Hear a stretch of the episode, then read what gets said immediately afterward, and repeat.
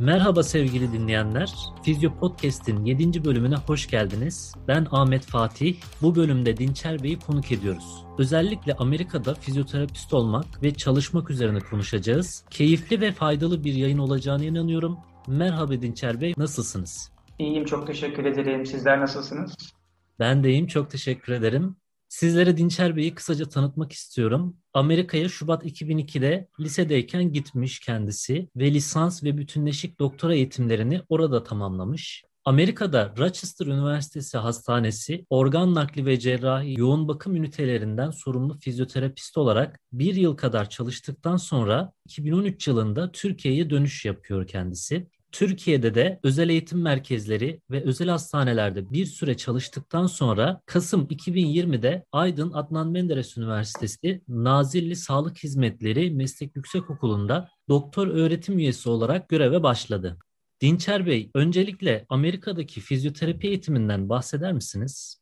Tabii ki. E, Amerika'daki sistem biraz değişik. 90'lı yılların sonunda başlayıp sonradan da 2000'li yıllarda şu anda tamamen değişen bir sistem var. Eğitim sistemi var. Daha doğrusu Amerika'da fizyoterapist olmak için e, gerekli olan diploma DPT yani Doctor of Physical Therapy yani fizyoterapide doktora. Bu PhD'den biraz farklı klinik doktor olarak geçiyor. PhD daha çok araştırma e, doktorası.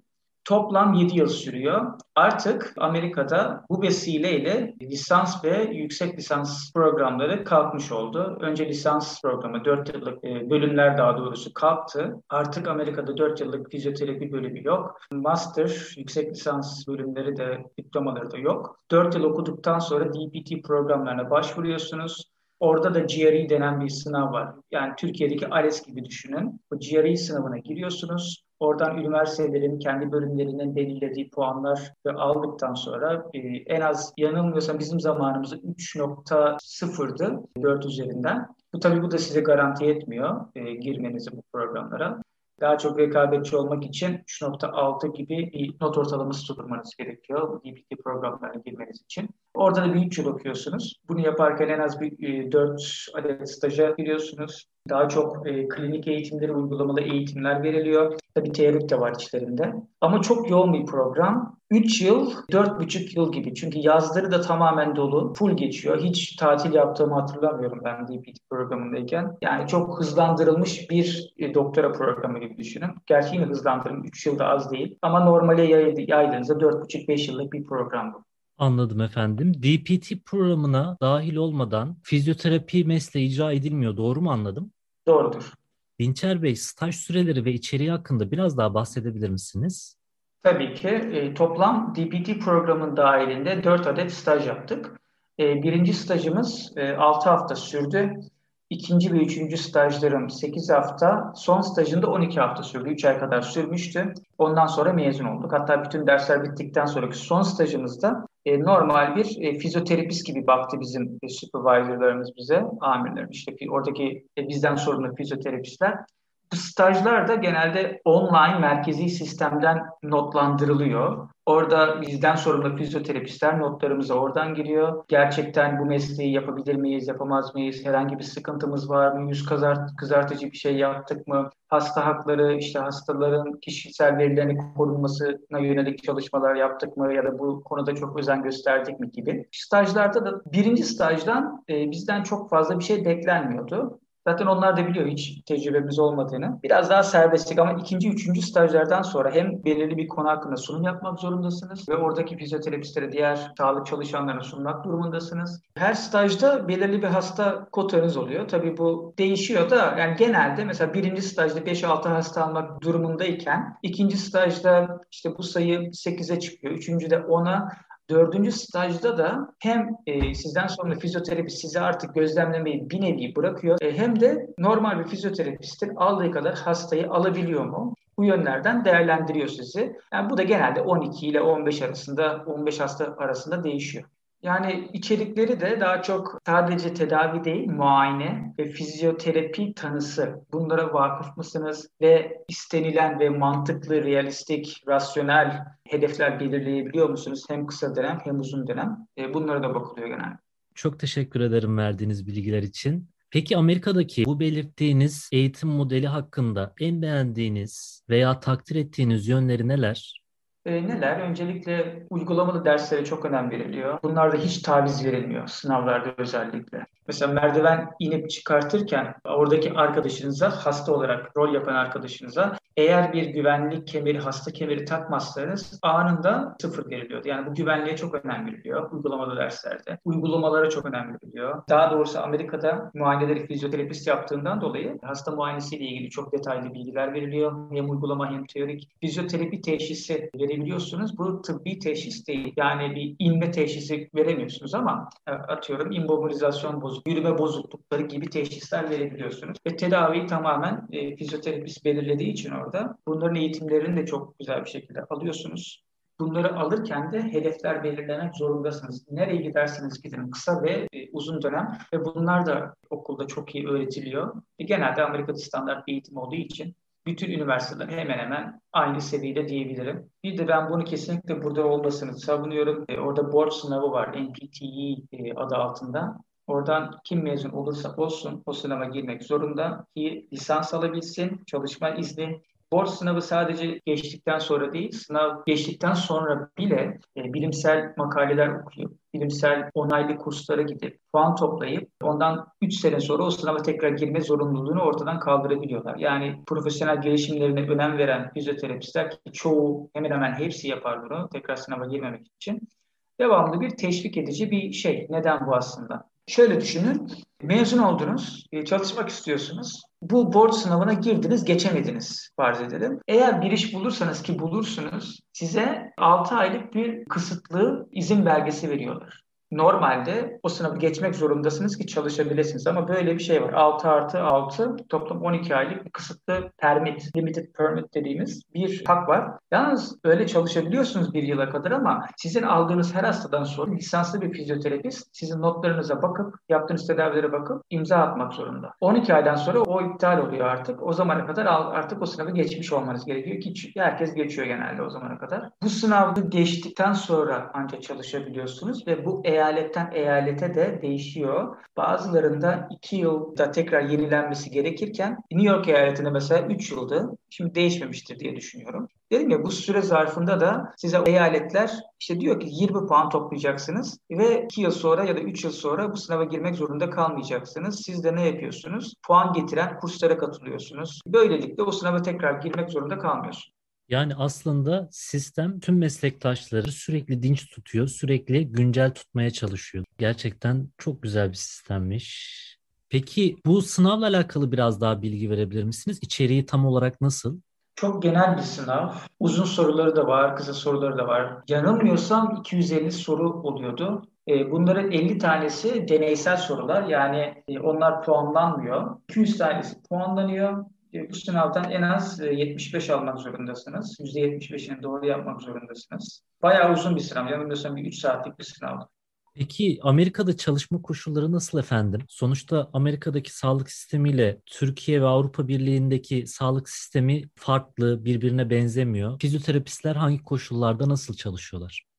Fizyoterapistlerin çalışma koşulları çok çok çok çok iyi. İşsizlik neredeyse sıfır. Yanılmıyorsam 1.6 idi, yüzde 1.6 idi. Onlar da zaten fizyoterapist olarak çalışmak istemeyenlerdir diye düşünüyorum. Çünkü fizyoterapist olarak iş ararsan orada mutlaka buluyorsun. Ee, öyle bir hiçbir sıkıntı yok. Yeter ki o sınavı geçin. Orada fizyoterapistler her türlü branş hekimiyle çalışabiliyor ki bunu söyledikten sonra düşünün Türkiye'de her türlü her branş hekimiyle çalışabileceğimizi istihdam alanlarımız o kadar çok artar ki sadece bu noktada bile çok artar. Mesela organ nakliyle cerrahi yoğun bakım ünitelerinde çalışmıştım. Mezun olduktan hemen sonra bir yıl kadar. Organ naklinde her hafta perşembe günleri bizim bir heyet toplantımız oluyordu. Bizi de alıyorlardı ve oradaki daha çok böbrek ve karaciğer nakli olmuş hastaları biz onay vermeden cerrah göndermiyordu. Gönderebilir mi? Gönderebilir ama biz biz onay vermeden göndermiyordu ve e, bunu da şey olarak yapıyordu. Yani gerçekten bize değer verdiği için bizim gerçekten gerekli bir e, meslek grubu olduğumuzu düşündükleri için ve burada sık sık dile getiriyorlardı. Siz olmazsanız yapamayız, demeyiz. Çünkü şöyle düşünün. Biz ne yapıyorduk mesela organ nakli olmuş biriyle? Bundan da bir bahsedeyim aslında yararlı olabilir. Diyelim ki iki katlı evi olan bir e, böbrek nakli olmuş bir hastamız var. Direkt sorularla başlıyorsunuz. Genelde Amerika'da iki katlı evlerde yatak odaları üst katta olur. Ve en aşağı bir 10-15 merdiven çıkmak zorunda. Bizim sorduğumuz sorular arasında hastalara kaç merdiveniniz var? Korkuluklar hangi tarafta? Sağda mı, solda mı ya da iki tarafta mı var? Mesela solda korkuluklar vardır. İşte 15 tane basamak çıkmak zorunda. Biz de klinikte, hastanede 15 tane e, sola tutunarak merdiven çıkmadan hastayı taburcu etmiyorduk. Onu mutlaka karşılamak zorunda. Ya da ikinci bir opsiyon olarak da hastaya diyorduk ki eğer biraz daha sıkıntılı bir durumsa yatak odana aşağıya taşıyabilir misin? Taşıyabilirim diyordu. Yani bunları hepsini bir araya getiriyorduk, ona göre karar veriyorduk. Ondan sonra hekim de bunları gördükten sonra hastayı taburcu ediyordu. Eve fizyoterapiste gönderebiliyoruz aynı zamanda. E, home physical therapy diye. Biz sadece oraya yazıyorduk. O herkes görevini biliyordu. Sosyal çalışmacı aynı şekilde onlar da yapıyordu. Orada FTR hekimi neredeyse hiç yok. Zaten olanlar da fizyoterapiste. Karışmıyor, karışamıyor. Çalışma koşulları gayet iyi hem meslekler arasındaki saygı ve sınırlar çok belli hem de kendi mesleğimiz adına mesleki tatminlik duygusu bence en olması gereken ideal noktada. Ben şahsen tekrardan şu anda hem şaşırdım hem bilgilendim. Orada çalışan meslektaşlar adına gurur duydum. Peki şimdi en önemli dinleyicilerin en çok merak ettiği sorulardan birine gelelim. Mesela Amerika'da fizyoterapist olarak çalışmak istiyorum. Neler yapmalıyım veya ne gibi zorluklar beni bekliyor? Şimdi öncelikle anlatacağım konuları ben aslında Türkiye'den Amerika'ya gitmiş, e, orada denklik almış ya da alma aşamasında olan kişilerden öğrendim. Bizim meslektaşlarımızdan öğrendim. Çünkü orada eğitim aldıktan sonra denklik sürecine geçmediğim için bunları bilmiyordum açıkçası bazılarına. Çünkü ben Türkiye'ye geldim, Türkiye'de denklik sürecine geçtim. O yüzden buradakileri biliyordum. Şimdi şöyle, orada doktora seviyesinde olduğu için dış ülkelerden gelen yabancı fizyoterapistlerden en az yüksek lisans istiyorlar. Yani lisans fizyoterapide olacak, yüksek lisans yine ona yakın bir şeyler olması gerekiyor diye biliyorum. Şu anda bu süreçten geçen arkadaşlar var. NPT'yi girmiş geçmiş Türk meslektaşlarımız da var. Ben devamlı mesaj alıyorum bu konularla ilgili. Yüksek lisansınız olduktan sonra her eyaletin anlaşmalı olduğu bağımsız kuruluşlar var. Yani bir nevi denklik bilgilerinizi gönderiyorsunuz. Bütün diplomalarınızı, transkriptlerinizi, ders içeriklerini e, onlar değerlendiriyorlar onayladıktan sonra siz e, orada NPT sınavına girmeye hak kazanıyorsunuz. Onu geçtikten sonra e, orada çalışma şansınız oluyor ama bu vize demek değil tabii. Bir de vize almak zorundasınız. Bu da daha çok Türkiye'den de yapılabiliyor ama Amerika'dayken yapılması daha kolay hem dosyanızın takibi açısından hem oradayken atıyorum siz aldınız denkliğinizi bir sıkıntı çıkmadı. NPT'yi girdiniz, geçtiniz. Ondan sonra hemen orada iş arayabilirsiniz. Turist vizesiyle bile olsa bilinmesi gereken şey orada size sponsor olacak, H1 vizesi verecek bir kuruluş bulmak. Bu mümkün çünkü orada fizyoterapist olarak iş bulmak kolay. Hele hele NPT sınavını geçtikten sonra orada kesinlikle diplomaya bakmıyorlar. Ben 4 adet staj yaptım. Bahsettiğim gibi bütün orada çalışan benim e, fizyoterapist amirlerime sordum. Hepsinin dediği şey lisansının olması yeterli. Bir de mülakatta verilen sorulara cevap vermen gerekiyor. Yani kişiliğinde kendine özgüven gerekiyor. Ve lisansında olması yeterli diyorlar. Yani biz kesinlikle mezun olduğun okula bakmıyoruz, size bakıyoruz. O yüzden sponsor bulmak da diğer meslek gruplarına göre nispeten daha kolay. Onlar size sponsor oluyor, siz de orada işe başlamış oluyorsunuz. Ama tabii uzun süreç olabilir mi? Olabilir. Yapan arkadaşlar var. Fizyoterapi öğrencisi olan biriyle mezun olup çalışmaya başlamış veya ne yazık ki çalışmaya ara vermiş meslektaşlarımızın Amerika'ya gitmesi, orada iş bulma denemeleri olarak farklar var mı? Avantaj, dezavantajları neler? Yeni mezunların e, teorik bilgileri daha taze oluyor. Yani okulda öğrendiklerini sonradan çok çabuk e, hatırlayabiliyorlar. Biz de zaten Amerika'da staj yaparken bütün fizyoterapist arkadaşlar, amirlerimiz o zaman hep bize sorarlardı. Böyle bilemedikleri soruları. Bundan da çekinmezlerdi aslında. Hani hiç öyle egolu kişilerle çalışmadım orada. Tabii orada da vardı da ben hiç ben hiç karşılaşmadım. Yüksek lisansını yeni bitirip oraya gitmek bu yüzden avantajlı olabilir bu arkadaşlar için. Ama klinik tecrübesi olup sonradan ara vermiş kişiler yine o klinik tecrübelerini unutmazlar. Ben öyle bir şey inanmıyorum aslında. Onların da dezavantajı sınavda olur ama avantajı da orada tedavi anlamında olur. Buradan kim giderse gitsin ufaktan da bir bocalama süreci olabilir. Sırf oradaki sistemden dolayı bunun üstesinden gelebileceklerini düşünüyorum. Zaten oraya kadar gitmiş, denklik almış. NPT sınavına geçen her arkadaşımız bunların üstesinden gelebilir. Verdiğiniz değerli bilgiler için çok teşekkür ederim. Tüm dinleyenler ve benim şahsım adına çok faydalı olduğuna inanıyorum. Son bir soru daha sorayım size Dinçer Bey. İngilizce seviyesinin Amerika'ya gitmeden önce hangi seviyede olması gerekiyor? Yabancı dil olarak dinleyicilerimize verebileceğiniz tavsiyeler var mı? İstenen zaten iki test var. Ee, herkesin bildiği TOEFL, IELTS. TOEFL'da yaklaşık olarak 120 üzerinden 95-100 arasında istiyor DPT okulları. Yani bu bağlamda düşünebilirsiniz. IELTS'ten de 7-7,5 bandında bir skor istiyorlar. Şimdi İngilizce olarak en güzel yurt dışı imkanı varsa gitmelerini öneriyorum. Orada öğrenilen dil daha akılda kalıcı oluyor. Yaz okulları olabilir dil eğitimi için. Hiçbir şey olmuyorsa Erasmus programlarına katılmalı. Mesela Litvanya, Hollanda bu gibi ülkelerde İngilizce eğitimler veriliyor. Bir dönem bile olsa o çok o kadar çok şey katacaktır ki bu arkadaşlara. Bunun haricinde makale okusunlar. Hani her şeyi anlamak zorunda değiller ilk başta. Bakıp da ben bunu anlamadım, ben bunu anlamadım demek değil. Yani aşinalık olsun. O kelimeyi inanın aynı cümle yapısında 10 kere, 20 kere gördükten sonra onu Türkçe sözcüğe bakmadan bile anlayabiliyorsunuz. Ben de tamamen öyle olmuştu. Ben gitmiştim lisedeyken. İlk 6 ay hep yanımda sözlük gezdirdim. 6. aydan sonra yavaş yavaş şey olmaya başlamıştı bende. Hani bilmediğim kelimeleri bile devamlı duyduğum için artık onları kafama yazdım. Nerede nasıl kullanacağını biliyordum. Hiç sözlük kullanmamaya başladım ondan sonra. Yani devamlı devamlı bu ortamın içinde olunca bu da tabii yurt dışında oluyor. Bunları artık otomatik olarak çözmeye başlıyorsunuz. Burada işte değişik kurslara gidip e, o kadar para döküyorsunuz ama o parayı yurt dışına harcadığınızda bir ay bile olsa bir yıllık, iki yıllık kurstan çok çok daha faydalı olabiliyor. Yurt dışında çünkü mecbur kalıyorsunuz diye tahmin ediyorum. Bazı arkadaşlarım da gitmişti. Yani bir derdini, bir meramını anlatmak için mecburen İngilizce anlatmak zorunda. Ama Türkiye'de ne yazık ki o mecburiyet olmadığı için biraz da insan olduğumuz için kolaya kaçıyoruz da diyebilirim. Sizin söylediklerinizin üzerine birkaç şey de ben ekleyeyim. Özellikle son yıllarda İngilizce olarak programlar üzerinden e, bol miktarda yurt dışında yabancı hocalarla online görüşme, conversation yapabilme imkanları oluyor. Öyle bir programa dahil olmuştum ve çok faydasını görmüştüm. Dinleyicilere tavsiye ederim. Dinçer Bey son soruyu sormuştuk ama Amerika ile Kanada yakın. Kanada hakkında bir bilginiz var mı? Kanada da büyük bir ülke ve fizyoterapistlerin genel olarak orada da değerli olduğunu biliyorum. Dinleyicilere verebileceğiniz bilgiler varsa paylaşırsanız çok memnun olurum.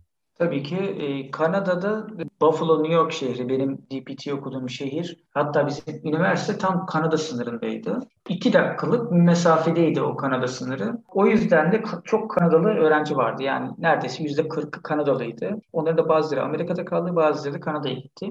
Şöyle biliyorum yani çalışma koşulları hemen hemen aynı. Yine çok e, kolay iş buluyorsunuz. Yalnız e, Kanada'da borç sınavının yanında bir de uygulamalı sınav oluyor. İlk önce borç sınavına giriyorsunuz. Onu geçtikten sonra bir de uygulamalı sınava giriyorsunuz. Değişik istasyonlar oluyor. Yanılmıyorsam benim zamanımda 16 tane istasyon oluyordu.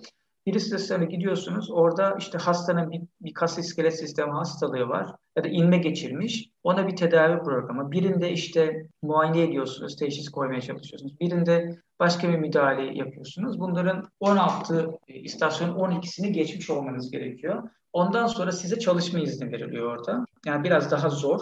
Dediğim gibi çalışma imkanları Amerika ile benzer. İşte ülke farklılıkları, denklik işlemleri biraz daha farklı olabilir. O konuda bilgim yok ama çalışma olarak yine Amerika seviyesinde diyebilirim.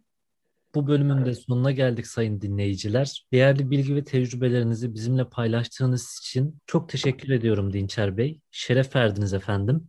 Ben çok teşekkür ederim davet ettiğiniz için. İnşallah faydalı bir program olur e, dinleyenlerimize de. Ben şahsen çok faydalandım. Tekrardan başka bir bölümde görüşmek üzere. Hoşça kalın, sağlıcakla kalın efendim.